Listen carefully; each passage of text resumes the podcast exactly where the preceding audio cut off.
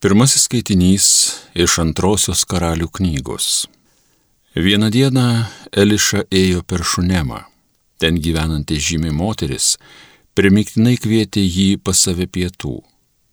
Vėliau, kai tik jis eidavo tuo keliu, užeidavo ten pietų. Kartą jį tarė savo vyrui. Žiūrėk, aš esu tikra, kad jis yra šventas Dievo vyras.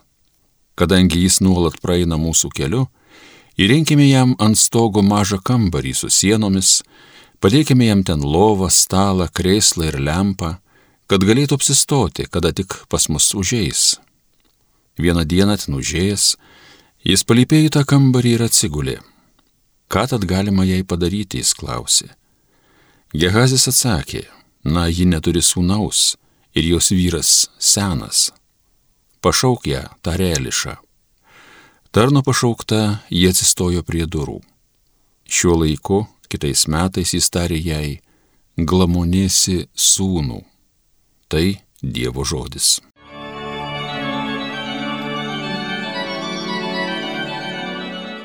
Viešpatie, amžinai gėdosiu apie tavo gerumo malonės. Gėdosiu viešpatie amžinai apie tavo gerumo malonės tavo ištikimybę kartų kartoms apsakys mano lūpos. Juk išpažįstu, kad amžina yra tavo ištikimoji meilė, tvirta kaip dangaus kliautas tavoji ištikimybė. Viešpatie, amžinai gėdosiu apie tavo gerumo malonės. Laimingi žmonės, žinantys džiugų išauksmą, jie gyvena viešpatie spindesi tavo artumo. Visą dieną jie džiūgauja dėl tavojo vardo juos išaukštino tavo teisumas.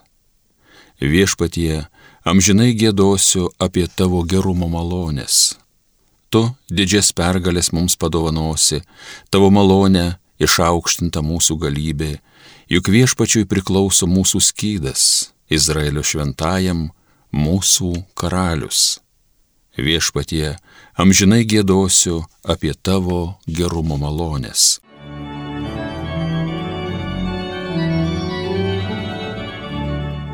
Antrasis skaitinys iš Šventojo Paštalo Pauliaus laiško romiečiams. Broliai ir seserys. Mes visi pakrikštytieji Kristuje Jėzuje esame pakrikštyti Jo mirtyje. Taigi krikštu mes esame kartu su juo palaidoti mirtyje, kaip kad Jėzus buvo prikeltas iš numirusių tėvo šlovinga gale. Taip ir mes pradėtume gyventi atnaujintą gyvenimą. Jeigu esame mirę su Kristumi, tikime ir gyvensę su juo. Mes žinome, kad prisikėlęs iš numirusių, Kristus daugiau nebemiršta. Mirtis jam nebeturi galios. Kad jis numirė, tai numirė nuodėmė į kartą visiems laikams, o kad gyvena, gyvena Dievui. Taip ir jūs laikykite save mirusiais nuodėmiai, o gyvais Dievui Kristuje Jėzuje. Tai Dievo žodis. Alleluja, alleluja, alleluja. Jūs išrinktoji giminė, karališkoji kunigystė, šventoji tauta, garsinkite šlovingus darbus to, kuris pašaukė jūs iš tamsybių į savo nuostabę šviesą.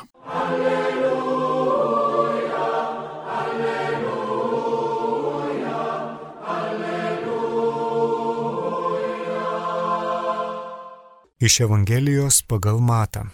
Jėzus bylojo savo paštalams, kas myli tėvą ar motiną labiau už mane, nevertas manęs, kas myli sūnų ar dukterį labiau už mane, nevertas manęs, kas neima savo kryžiaus ir neseka paskui mane, irgi nevertas manęs, kas išsaugo savo gyvybę, praras ją, o kas praranda savo gyvybę dėl manęs, atras ją, kas jūs priima, tas mane priima O kas priima mane, priima tą, kuris yra mane siuntęs.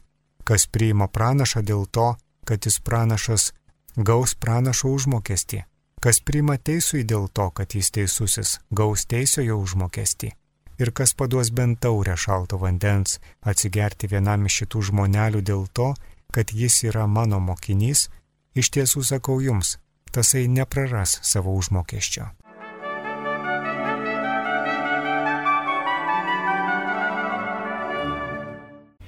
Mėly Marijos radio klausytojai, šiandien mums visiems nepaprastai svarbi Jėzaus mintis.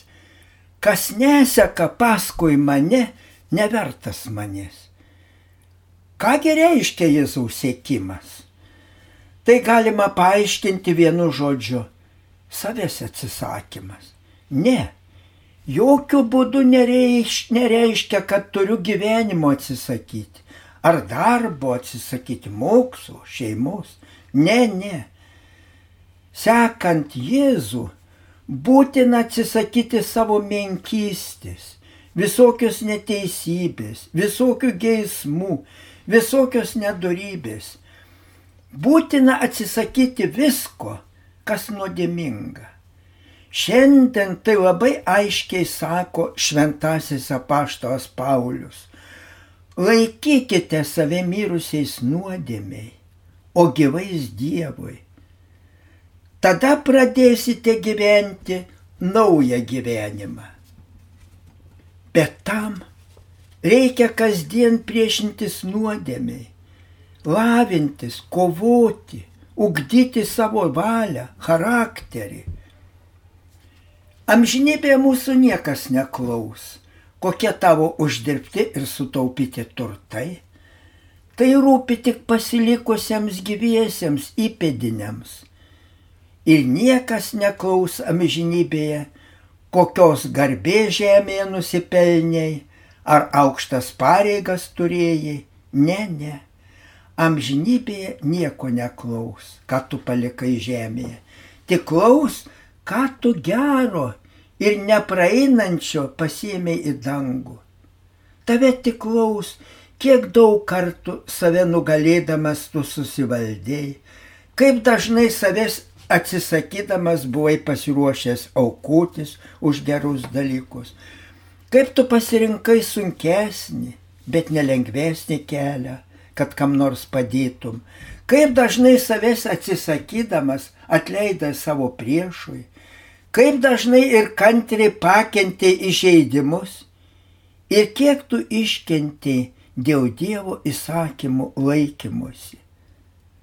Savęs atsisakymą labai gražiai liūdija vokiečių kino filmas Aranka.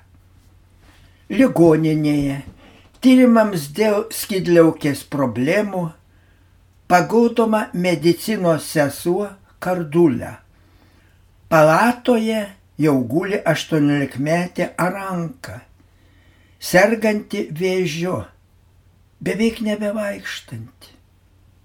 Kordulė mažai gali jai padėti, tai 18-metiai. Todėl net prašo pakeisti palatą. Bet štai jos pradeda kalbėtis ir užsimesga nuoširdį draugystį. Kalbasi apie viską apie draugus, apie kasdienybę, apie ligas, net apie tikėjimą. Draugystė nesibaigia vien pokalbiais. Kordulė, kaip seselė, nuoširdžiai rūpinasi sunkiai sergančią ranką. Trina jai nugarą, padeda vaikščioti, maudo ją ir taip toliau. Nenuostabu, kad Aranda jais kartą sako, Džiaugiuosi, kad tu čia esi. Visada pasilik su manimi. Bet kordulė išleidžiama iš ligoninės, atsisveikina su Aranda. Po kelių dienų ateina jos lankyti. Atsargiai tylė praveria palatos duris, bet užgniaužia širdį. Čia tik tuščios dvi lovos. Arandos nėra, nebėra. Tas kino filmas padeda žmogui suprasti pasiaukojimą savęs atsisakymą. Yra nemažai žmonių, kurie aukojasi net patys to nežinodami. Tokia yra kordulė. Atsitiktinai pakliuvo į tą pačią palatą su sunkiai vėžiu sergančia 18-metė Aranda. Bijodama, kad tai jaunutė ligoniai negalės tinkamai padėti, net bando išeiti iš tos palatos, bet pasilieka primdama tą pagalbos kryžių. Kordulė galima sakyti mokomus kad kryžių visur galime rasti. Visur, kur tik sutinkame žmonės. Visur, kur tik prireikia pagalbos. Tai, kad jis sutiko silpnąją arandą, leidžia jai suprasti, kad tai Dievo planas. Tai išbandymas nors kiek palengvinti kitos skausmą. Tas įmirti jau žengiančios kančios supratimas ir broliškas noras tą kančią palengvinti yra pats brangiausias dalykas žmoguje. O kaip mes elgiamės, kai mums artimas žmogus taiga mirtinai susirga? Gal jo reikia rūpintis tiesiog virš savo jėgų? Bet daugelis žmonių tada klausia, kodėl tai kliuvo man? Kągi galime atsakyti į tokį klausimą? Tai ko gero vienas iš daugelio neįmanomų atsakyti klausimų. Filosofas Heideggeris sako, kad visų filosofijų kvapą tiesiog užgneužia klausimas, kodėl apskritai aš čia atsidūriau. Juk žmonės iškentė okupacijas, žydų šaudimus, tremtis, kankinimus dažnas klausė, Dieve, kodėl tu man leidai gyventi tokiais baisiais laikais? Kodėl neleidai gyventi daug geresniais, ramesniais laisvės laikais? Galbūt į tokius klausimus galima atsakyti tik klausimu iš šventojo rašto išminties knygos. Kasgi gali žinoti Dievo planus? Kas gali suvokti, ko viešpats nori? Mūsų gyvenimą valdo nelikimas, ne atsitiktinumai, bet nesuvokiamas Dievo planas. Dievas neuždeda mums bet kokių kančių, neuždeda, bet kaip papuolančių sunkumų, bet tik skiria mums tai, kas mums tinka. Skiria tik tai Dievas mums, ką mes galime ištverti Tai galite patvirtinti ir jūs, kurie dabar turite didelių problemų. Ypač tie, kurie saugote sunkiai sergančius, ar net patys esate sunkus ligoniai. Jūs tai tikrai patvirtinsite, kad nešate gyvenimo kryžių kartu su Kristumi, kad jūs šitaip sekate paskui Jėzų. O tokiam sėkimui visus mus skatina garsioji lekrima. Iš dieviškos meilės šaltinio šviesos ir ugnies pasisėmė išeikite sekti, mylėti. Vien klausytis pakanka. Juk ne žodžiais gyvenimo mylim. Iš darbų jūs pažins, iš aukos, iš dalyjamos duonos ir šypsnio, iš atleidžiančio žodžio Jei seki savo vadą su kryžium Golgotos keliu, ką dėl jo palikai? Ką aukojai, kad būtum į jį panašus? Nei pusėtinos meilės, nei maldų vien tik lūpom tušiai atkalbėtų, nei graudžių pažadų netesėtų, jam nereikia, nes jau bruožų tenai nebėra. Savo siekių prakilnų į bokštą užbaigti Nesustok kelyje, nesustok. Amen.